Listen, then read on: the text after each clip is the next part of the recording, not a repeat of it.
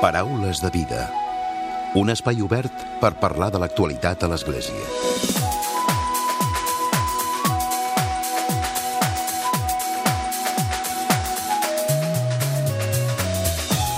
Què tal? Salutacions i molt bon dia, molt bon diumenge. L'Orde Mercedària celebra enguany els seus 800 anys d'existència d'història dedicada als més marginats de la societat. Amb motiu d'aquest aniversari es fan diferents activitats, com ara la 34a trobada de seglars feta recentment a la Basílica de la Mercè. Quan parlem dels mercedaris, parlem d'una tasca social on la pastoral penitenciària ha estat l'eix vertebrador de totes les accions que ha fet aquest orde. El papa Francesc que ha fet arribar una carta de felicitació on anima els membres de l'obra mercedària, diu, a redescobrir el primer amor de l'orde i de la pròpia vocació per renovar-los contínuament. Actualment compta amb 800 frares mercedaris a tot el món. A l'estat espanyol hi ha dues províncies, la de Castella i la d'Aragó, a la qual pertany Catalunya. Precisament avui, avui diumenge 29 d'abril, se celebra el Dia de la Família Mercedària. Avui conversarem d'aquesta efemèride i ho farem, i també dels reptes de futur d'aquest ordre dels mercedaris, i ho farem amb el provincial d'Aragó, José Juan Galve, i també amb Núria Ortín. Ella és la directora de la Fundació Obra Mercedària.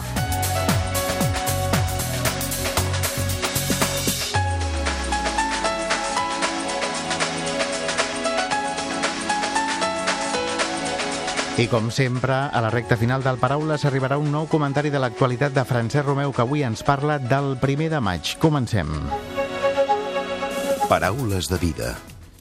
I saludem, donem la benvinguda a en Juan José Galve. Bon dia i benvingut al Paraules Hola, de Vida. Bon dia, gràcies. I també amb la Núria Ortín. Núria, bon dia i benvinguda. Molt bon dia, moltes gràcies Novament a vosaltres. al Paraules de Vida.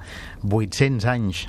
Això es diu molt ràpid, però déu nhi no? José Juan. Sí, es sencillo hablar de 800 años, pero son muchos años, sí.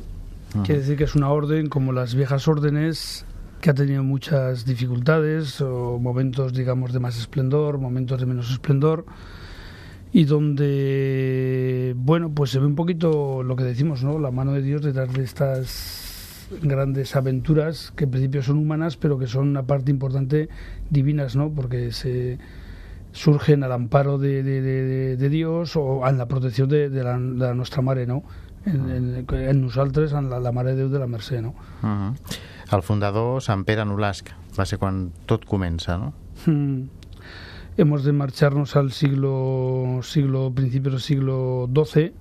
La primera redención es sobre el 1200, un poquito en Valencia, todavía no se ha configurado la orden. Y hace la primera, la primera redención San Pedro Nolasco en tierras valencianas. Eh, la orden se configura en 1218 y prácticamente ya entramos con Jaime I eh, en Valencia con él. Es una orden, en principio surge como entonces, ¿no? Una orden de tipo militar, como podía ser Santiago o Calatrava o el Temple, que era lo típico de entonces, ¿no? Aquellos especies religiosos guerreros, ¿no? Anto, bajo el amparo de, pues bueno, de, la Catedral de Barcelona, del obispo Berenguer de Palau y del rey Jaume I, ¿no? L'essència de, de l'orde ha anat canviant amb els anys o és la mateixa? És a dir, ajudar els més desafavorits? Sí, yo personalmente creo que no ha ido cambiando. Es verdad que se ha ido reajustando un poco, eso es verdad. Eh, llega un momento cuando para cuando cuando desaparece el, desaparece la esclavitud cuando se anula la esclavitud y entonces la orden mercedaria lleva tiempo trabajando en pues tanto los mercenarios franceses como los, los de Italia como también de aquí llevan ya un tiempo trabajando visitando los cautivos que estaban en prisión pues se consideraban que eran los pobres de entre los pobres no tenían les faltaba todo incluso la libertad no y había que llevarle lo más elemental con lo cual yo, yo creo que esa esencia la orden de la mesa la ha mantenido l'ha mantingut durant ocho siglos. Uh -huh. Ara arribem a. Quins són els reptes que, que té l'Orde? Esteu este, estesos a tot el món, ara ho dèiem, amb, amb 800 eh, frares mercedaris per, sí, repartits per tot sí, el món. Sí. És, és una quantitat important. Important, sí, sí. sí. Eh, de frares, després està tota la part femenina, que són encara més, no? Més de 800, no? Bueno, i voluntaris, no? que són I tants. voluntaris va, que són molts, va... sí, és veritat. No, em va sorprendre molt, quan vaig És començar veritat. a conèixer els mercedaris, la quantitat de gent, diu, clar, és que som mm, tantos, no? Però després comences a rascar i dius, bueno, quantitat de gent que ara, avui en dia va a les presons, desinteressadament cada setmana a ajudar, a donar suport, a escoltar, no? a fer tallers, el que sigui, de presons a parròquies, Sí. a nens, famílies, o sigui, hi ha moltíssima gent jo diria que estan, que estan de fa molts i molts, molts segles darrere vostres i fa molts anys, no? Uh -huh. Llavors aquest pes també és, és, bueno, és important. És important. Uh -huh. L'obra mercedària, ara ho dèiem també, no? el, el fet de la, com deia ara la Núria, no? de la tasca a les presons. Això és el que ha marcat també, no, l'Orga? Sí, O és la part més coneguda? Sí. Sí, puede ser. Y, y también la, la, la parte más, más, más conocida, es verdad, pero también la parte más, más negada por la sociedad. Es un trabajo, yo también quiero, ya esta oportunidad que me das, para reivindicar un poquito ante la sociedad. Es un trabajo... eh, no voy a decir no voy a decir que sea un, un mal trabajo porque no lo yo creo que es un- una primera barrera de iglesia trabajando ahí pero que es verdad que mucha gente no lo quiere no lo quiere ver no lo quiere reconocer o prefiere como diciendo Dios mío trabajar con los presos bueno pues trabajar con los presos sí Yo creo- hi ha l'estigma, per tant? Sí, sí bueno total. Sí? Bueno, jo dic, jo dic perquè, quan, clar, quan dius treballes amb els mercedaris, no? I, i qui són? La primera, primera Ja pregunta els has d'indicar. De, bueno, neixen a Barcelona, que això és molt important, que la gent ens hem oblidat, i ostres, tot el món que neixin a la, a la catedral, precisament, de Barcelona, no? Porten vuit segles, o sigui, alguna cosa han fet bé, i, em, i, i el que jo sempre dic, dic bueno, i, i el que fan diferent a totes les altres ordres per mi és, és el tema d'estar de, d'estar presents a, la, a les presons no? amb, amb, els, amb els presos que finalment són els que Dels, els rebutgen marginats més entre els, ma- Sí. els més marginats, Sí. Clar, com dius, deia. exacte. Llavors dius, allà, i, i la gent d'entrada és buf, no? És com quan demanes una mica de, de, de recolzament i tu parles, però nosaltres tenim molts projectes a l'Àfrica i a, i a Centroamèrica també, i llavors és molt fàcil, no?, entre cometes, explicar que estàs fent centres nutricionals, doncs que, que estàs amb famílies desestructurades, amb nens que estan al carrer, eh, amb, amb escoles, nosaltres tot això també ho treballem, i llavors la gent sembla com que, ai, que guai, que, que, que, que bé, no? Llavors, Bueno, però a part de presons, hi ha molta gent que directament ja ni l'escolta. Bueno, bueno, però jo us ajudo, però, però a l'Àfrica, no? Que està molt bé, però dius, ostres, realment el treball que costa i el que eh, eh, és, és, és poc visible és, és aquest treball que ells tenen que, que quan et parlen, sobretot testimonis, gent que ha estat a la presó, no? i d'ells, eh, quan ells els escolten, a mi em diuen bueno, sembla una mica que, entre cometes, que, que, que, que, que, que ve Déu, no?, ajudar-nos, si tenen aquesta llum, aquest acompanyament a través del silenci, de l'escoltar, de recolzar, de no jutjar, sobretot, que per un pres, vulguis o no, és, és bàsic. No? De fet, la- l'experiència del José Juan ha estat molts anys a la, a la presó model, no? sí unos cuantos sí Ara que, ara que la model s'ha convertit Sí, no? com un en un plató, no? En un Sí. plató de, per on te passa tothom, no? Sí, Sí, es, es una experiencia es una experiencia dura. Mira, yo creo que la gente tiene que tener claro que en la, en la prisión es un poquito, es, decíamos, la pobreza, la pobreza porque recoge todo. Y tú cuando a veces hablas también con, con sus señorías, con los jueces, te dan cuenta que hay un chico que está mal de la cabeza, no sé dónde meterlo, bueno, a la prisión. Hay un muchacho que ha tenido un problema, una rabita grande en casa, que tal, tal, tal, bueno, pues lo metemos a la prisión porque los padres dicen, por favor, que tengo miedo, que no se quede la prisión. O sea, la prisión termina recogiendo todo. Todo lo, de, todo lo de la sociedad. Termina, son enfermos mentales, es gente enferma físicamente, es gente, hay atracadores, hay, hay mucho desgraciado, hay muchísima pobreza, los sin techo terminan ahí, los inmigrantes terminan ahí. O sea, en la prisión es un poquito todo, con lo cual es una experiencia dura. Es una experiencia dura por dos, dos caminos. Es una experiencia dura por, por, por las personas que hay allí, por la pobreza enorme que se ve, y es una experiencia dura también porque te das cuenta que, que bueno, que mucha gente que, que no está de acuerdo con la suerte que le ha tocado en la vida y que también quisieran salir y que no tienen ni la fuerza, ni el apoyo, ni las posibilidades, ni los conocimientos, ni la preparación para salir adelante, ¿no? Entonces es una experiencia dura. Yo siempre digo lo mismo, yo creo que la experiencia más dura, al menos para mí, es cuando un tío de, de, de, de, de- de- de- digo, de un 80 o un 90 que pesa 120 kilos se pone a llorar como un niño. O sea, una persona totalmente roto, ¿no? Roto. Porque la entrada en prisión no es pérdida de libertad, Que es pérdida de no? Es pérdida de familia, es pérdida de los hijos, es pérdida de trabajo, es pérdida de dignidad, es pérdida del contexto que tienes. Todo el mundo te mira mal, todo el mundo, eh, salvo los cuatro amigos, el resto es decir, bueno, algo habrá hecho, no se lo ha metido ahí, no. Es más que entrar, que decir, bueno, a usted le quitamos la libertad un año o unos meses o, o cinco años, no, no, es mucho más, es mucho más, ¿no? Bueno, aquest és el debat, jo crec, de- que també es fa una mica la societat de... Bueno, si estan allí, però algú serà, no? Llavors et diuen, escolta, si la teva filla l'haguessin violat, ara, ara, què? malaurada, ara malauradament tenim el món polític i bona part També. del món polític, no? A la presó. Sí, I, sí. Tenim això, sí, clar, llavors eh, hi, hi ha molta gent que ja jutja per- d'entrada, llavors hi ha, hi ha el tema polític, hi ha el tema de, doncs, de gent que realment sí que ha fet un crim, no? llavors amb aquesta gent què fem? No? I la gent diu, bueno, pues, pues que se pudran a la, a la càrcel, no?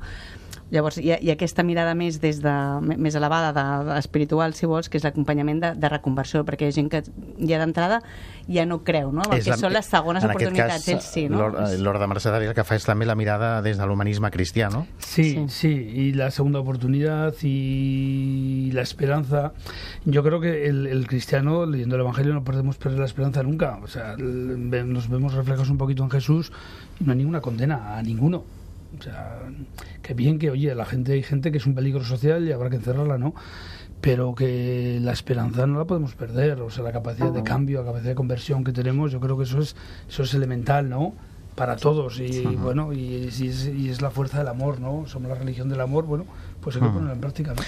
I com celebreu, ara ho dèiem també, com celebreu els 800 anys? Esteu fent diferents actes, ¿no? De fet, avui diumenge hi haurà un acte, és el Dia de la Família, ¿no? Sí, estamos ahora en pleno, en pleno encuentro este año en Barcelona, aprovechando los, los 800, eh, donde nos juntamos prácticamente toda la familia mercedaria, es las ramas femeninas y las masculinas que estamos aquí, nos juntaremos en Barcelona.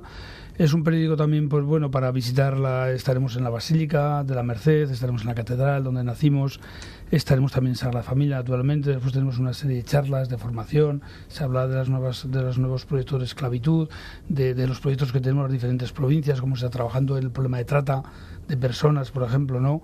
El problema de drogadicción, el problema de, bueno, pues un poquito lo que es lo nuestro, ¿no? -huh. Todo ese tema de esclavitudes y de marginalidad y del tema de la gente más, más vulnerable, con más problemas, con más dificultades, ¿no? És a dir, que són activitats eh, però per reflexionar, ¿no? Activitats Sí, d'aniversari per reflexionar, sí, eh, ¿no? compaginamos un poquito las Sí. Dos cosas. Es un periodo de reflexión por la tarde y por la mañana aprovechamos un poquito pues para visitar lo más lo más emblemático para nosotros y también de la ciudad, ¿no?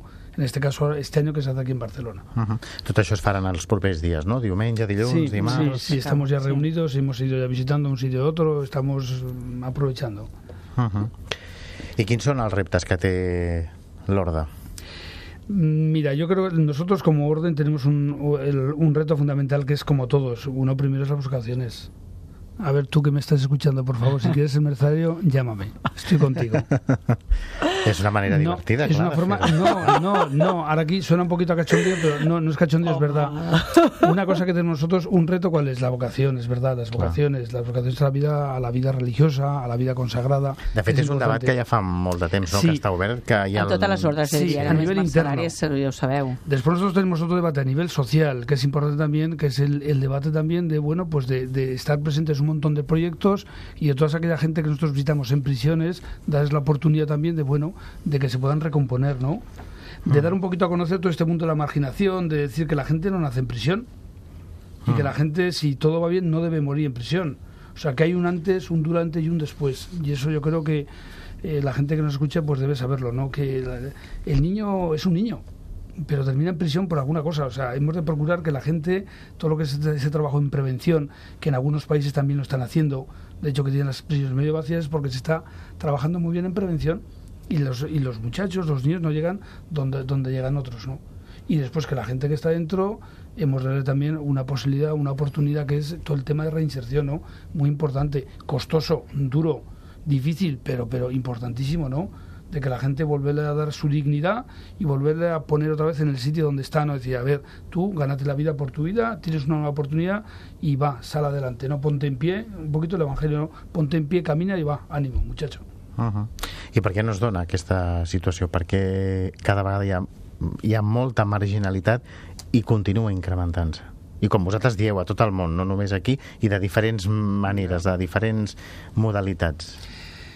Yo creo que esto es un análisis complejo del mundo que nos toca vivir, es un mundo muy complejo donde digamos hay una serie de valores que también se han dejado un poquito al margen, se han marginalizado y donde lo importante a veces pues bueno pues es mucho el dinero y mucho el, el interés y la persona yo creo que ha quedado la persona es, es meramente un, un- un instrumento tenemos todo el problema de trata eh, ¿cu- ¿cuánto dinero mueve la trata?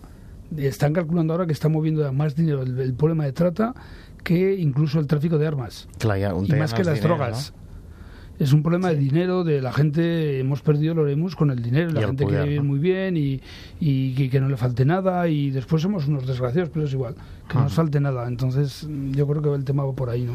Núria, com a directora de la Fundació Obra Mercedària, què, què, és el que feu vosaltres? Quines activitats impulseu? Bàsicament, des de la Fundació el que s'intenta fer és eh, bueno, aglutinar tota l'obra social de totes les comunitats que tenen la província d'Aragó mercedaris. Vol dir que si hi ha un pis a Castelló, tenim un pis de reinserció, perquè treballem molt amb el tema de la reinserció, perquè la gent quan, quan surt de presó no, no, no, no estiguin al carrer, no? Llavors, el que treballem molt és eh, el que explicàvem una mica de les segones oportunitats, que tinguin una llar, que se sentin en una família, que se sentin reconeguts i, i persones, no? Per damunt de tot surten sent números, no? Perquè ja ets un número. Llavors, la possibilitat de tenir-los en pisos, que nosaltres els diem les llars, en el qual entre ells doncs, poden fer una família, no millor un mercedari darrere, Eh... Sempre hi ha la supervisió no, d'un mercedari. Sí. sí, bueno, perquè és que una mica doncs, doncs fa com de pare, de pare no? d'una família que llavors bueno, els ajudes una mica doncs, a través d'agafar autoestima a través de tallers o de buscar-los fe, buscar de feina però bueno, escolta, s'ha de fer el currículum o, o, o donar veus o, o donar-los aquesta guia, no? segona possibilitat que ells se senten doncs, com molt, molt acollits en aquest sentit llavors eh, la Fundació el que fa és ja només per demanar ajudes europees o que sigui, tu quan una, una fundació és com el paraigües que engloba tota aquesta aquesta tasca, doncs, doncs en lloc de que Castelló vagi per la seva banda, sé per la seva, i Lleida per la seva, i Barcelona el que fem és, bueno, doncs la Fundació està treballant amb tants mm, projectes, amb tants pisos, amb tants padrins, que també en tenim, i llavors una mica el que s'intenta és anar a, a la mateixa direcció, no?, que, que com que estan molt extesos a nivell geogràfic, doncs el que s'intenta, bueno, Fundació, què fa? Doncs, doncs tota aquesta tasca tan espectacular que ells fan, doncs, doncs posar-les sota el mateix paraigües, no? una Cat mica. Catalunya està al, a la regió d'Aragó, no? Sí, a la, sí nosaltres aquí la tenim província. Lleida i Barcelona, sí. però bueno, contem ja també amb el que són els... Els, els antics regnes de, de, de... És que nosaltres som, encara som una mica medievals. clar, sí, neixen amb el Jaume I, clar, neixen amb el Jaume I, no? Sí, és veritat. Clar. Llavors, que, això no s'ha plantejat mai de canviar la reorganització De moment no, de moment, de moment no. Sí, s'ha avançat una mica, però no, no, no, encara no, encara no. Sí, això perquè quedat antiquats, mo, mo, altres congregacions el que han fet és s'ha unificat, no? Sí. Uh -huh. De moment nosaltres no, però no sé. Uh -huh. I... En llavors també hi ha un, un santuari que és on estan els novicis de, estudiant doncs, a, aquí a Sant, a Sant Ramon i, i bueno, llavors a Catalunya tenim bàsicament Barcelona, que tenim els pisos les, Lleida. Lleida, pisos i, pisos i presons. O... Sí. Sí. Uh -huh. Sí.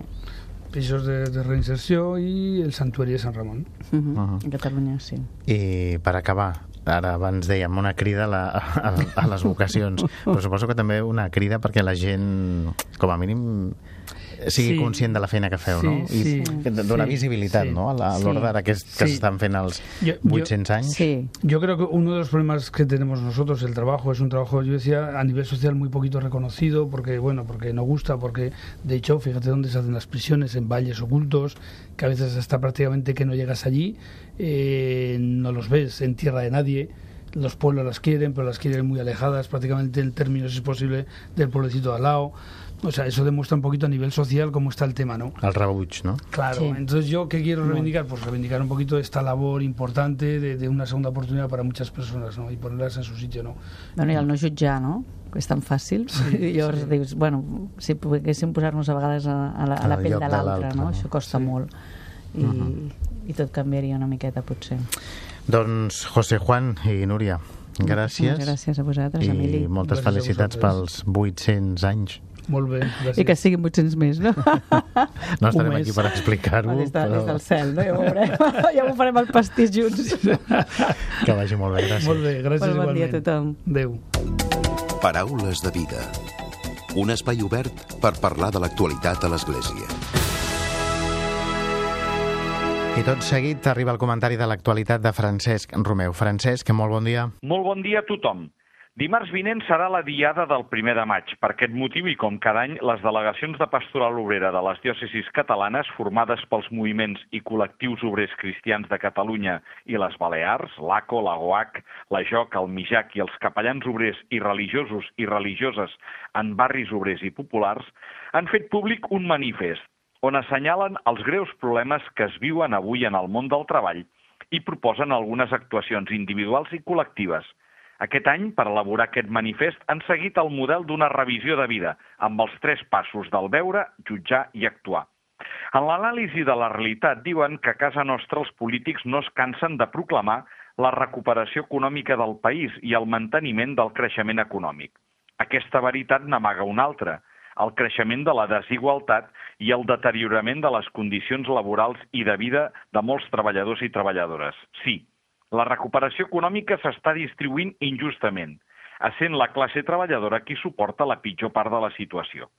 Novament cal tornar a denunciar les condicions laborals de les persones treballadores i la fragilitat o sovint la vulneració dels drets laborals, l'atur, la temporalitat, el treball a temps parcial involuntari, els falsos autònoms, els sous a la baixa, l'externalització de serveis en empreses multiserveis, les pensions miserables, la bretxa salarial entre homes i dones, la distància salarial escandalosa entre els treballadors i els directius de les empreses. Totes aquestes qüestions afecten i condicionen la vida de les persones i de les famílies treballadores, agreujades, a més, per les polítiques socials també deficitàries en àmbits tan fonamentals com la sanitat, l'educació, l'habitatge social, la cobertura de jubilació, etc. En l'apartat del jutjar, diuen que la deriva neoliberal ho converteix tot en un mercat, on sobretot el que preval són els beneficis de l'empresa i, de, i dels accionistes. Cal tornar a aixecar la veu per denunciar aquesta deriva i a favor de les persones treballadores, sobretot dels qui més pateixen aquestes condicions indecents que impedeixen desenvolupar la vida com a persones lliures i éssers socials. A més, el futur del treball és una incògnita per l'impacte de les noves tecnologies i el seu efecte sobre els qui vivim del nostre treball. Com a treballadors i treballadores cristianes volem afirmar i reivindicar la irreductibilitat de les persones a mitjans de producció i de consum. Amb Jesús de Nazaret no ens cansem d'afirmar que tota institució humana, com el treball, ha d'estar al servei de les persones i no aquestes al servei del treball i dels beneficis d'altres. Com diu el papa Francesc, el treball no pot considerar-se com una mercaderia ni com un mer instrument en la cadena productiva de béns i serveis, sinó que en ser primordial pel desenvolupament té preferència sobre qualsevol altre factor de producció, incloent el capital. Finalment, acaben el manifest amb les propostes de, de l'actuar, on es recullen, per exemple, les que diuen que creiem que cal lluitar plegats per un treball decent per tothom en correspondència a la dignitat de les persones. Per això, Cal garantir uns salaris justos que permetin viure amb dignitat. Cal acabar amb la bretxa salarial, tant a nivell de gènere com a nivell generacional, així com reduir substancialment la diferència entre els sous més alts i els més baixos. Cal aconseguir que el salari mínim interprofessional sigui de 1.000 euros, segons el criteri de la Unió Europea. Cal assegurar unes jubilacions dignes. Cal denunciar l'obstacularització de la renda garantida ciutadana i demanem la seva implementació ja. Cal assegurar la defensa dels drets laborals davant la nova configuració del treball que s'està donant per les noves tecnologies. Cal impulsar l'economia social solidària amb cooperatives i empreses d'inserció com a veritatives. Cal modificar la llei d'estrangeria per possibilitar que les persones treballadores immigrades tinguin el dret a regularitzar la seva situació sense la condició d'un contracte d'un any, veritable obstacle que ho impossibilita. Cal reduir la jornada laboral mantenint el mateix sou. Cal treballar menys per treballar tothom i buscar uns horaris que permetin la conciliació laboral i personal. Cal vetllar pel pas dels estudis al món del treball i que s'incorpori a la formació, a la recerca de feina i els drets laborals en els currículums. Cal potenciar l'organització dels treballadors i treballadores, repensant els sindicats. Que Sant Josep Obrer ens hi ajudi. Molt bon diumenge a tothom.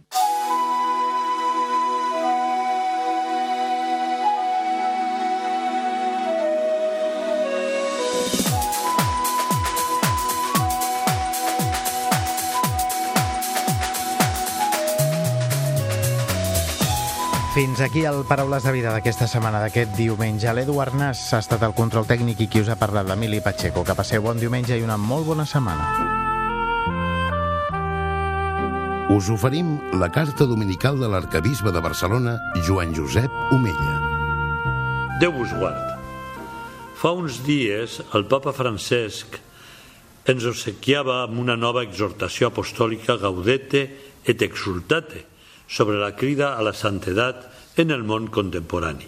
En cinc anys de pontificat, l'actual successor de Pere ha publicat diferents escrits que coincideixen a incorporar la paraula alegria en el títol. Davant els moments d'incertesa que vivim, el Sant Pare ens convida a viure l'alegria de la fe a través d'una conversió personal i comunitària. Des de la nostra realitat local, treballem en la mateixa direcció. De fet, les orientacions i propostes per una conversió pastoral a l'arxidiòcesi de Barcelona, que van presentar diumenge passat, volen orientar-nos en aquest mateix camí de conversió personal i col·lectiva. Les properes setmanes dedicaré alguns dels meus comentaris dominicals a compartir amb vosaltres les principals orientacions d'aquest nou pla pastoral. El nou pla pastoral segueix l'estela de l'exhortació apostòlica programàtica del papa Francesc, la joia de l'Evangeli. Ara bé, cal tenir present que no és un pla pastoral estàndard. En efecte, l'objectiu no és proposar unes accions pastorals concretes, sinó oferir un material que ens ajudi a iniciar un camí personal i comunitari de conversió pastoral a partir d'una transformació de les nostres actituds interiors. Amb el temps, aquest procés de conversió anirà transformant les nostres accions pastorals tant a nivell de la diòcesi com a de cadascuna de les parròquies i comunitats. Aquest document vol oferir algunes orientacions i propostes per ajudar-nos a avançar en el camí d'acollir i fer vida la crida que hem rebut de Jesucrist, la crida d'anunciar l'Evangeli amb l'alegria i l'esperança. Som portadors d'una gran notícia i volem proposar una trobada personal amb Jesucrist que pot transformar la vida en un món que cerca pau, concòrdia i esperança. Aquest nou full de ruta és, doncs, una invitació a iniciar un camí de conversió que ens alliberi de la temptació de viure per mantenir les estructures heretades i ens ajudi a esdevenir una església que surti a trobar-se amb les persones que presenti i proposi sense cap imposició la bellesa i la joia de l'Evangeli. El nou pla s'estructura en cinc eixos o capítols. Jesucrist, els pobres, els joves, la fraternitat i el discerniment.